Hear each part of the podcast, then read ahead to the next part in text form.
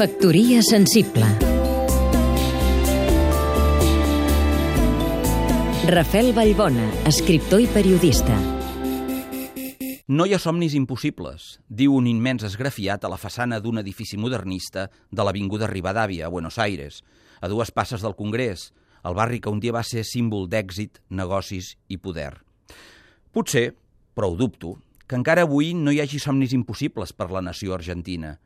Però el que no em resigno a encaixar és que Catalunya abandonés els intensos, antics i prestigiosos vincles americans i els substituís per uns sovint incerts i submisos lligams amb l'Europa del Nord, on diuen que la gent és culta, però a la qual no els importem gaire. És cert que l'Amèrica on els catalans van fer negocis, la nostra cultura va ser admirada i els exiliats ben rebuts, va sotsobrar entre les aventures alliberadores i l'imperialisme nord-americà.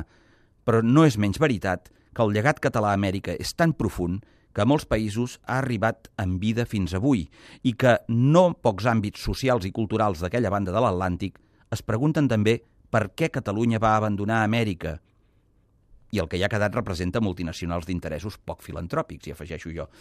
Havia de ser una decisió política deixar llenguir els lligams americans i buscar-ne a l'Europa culta. Si hi penseu un instant, veureu que respon a una estratègia clara d'uns anys de govern. Ara bé, avui Europa només és un club d'estats i no en som socis.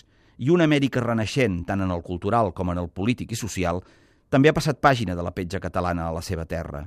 I nosaltres, pensant on són aquests somnis sempre possibles. Factoria sensible Seguim-nos també a catradio.cat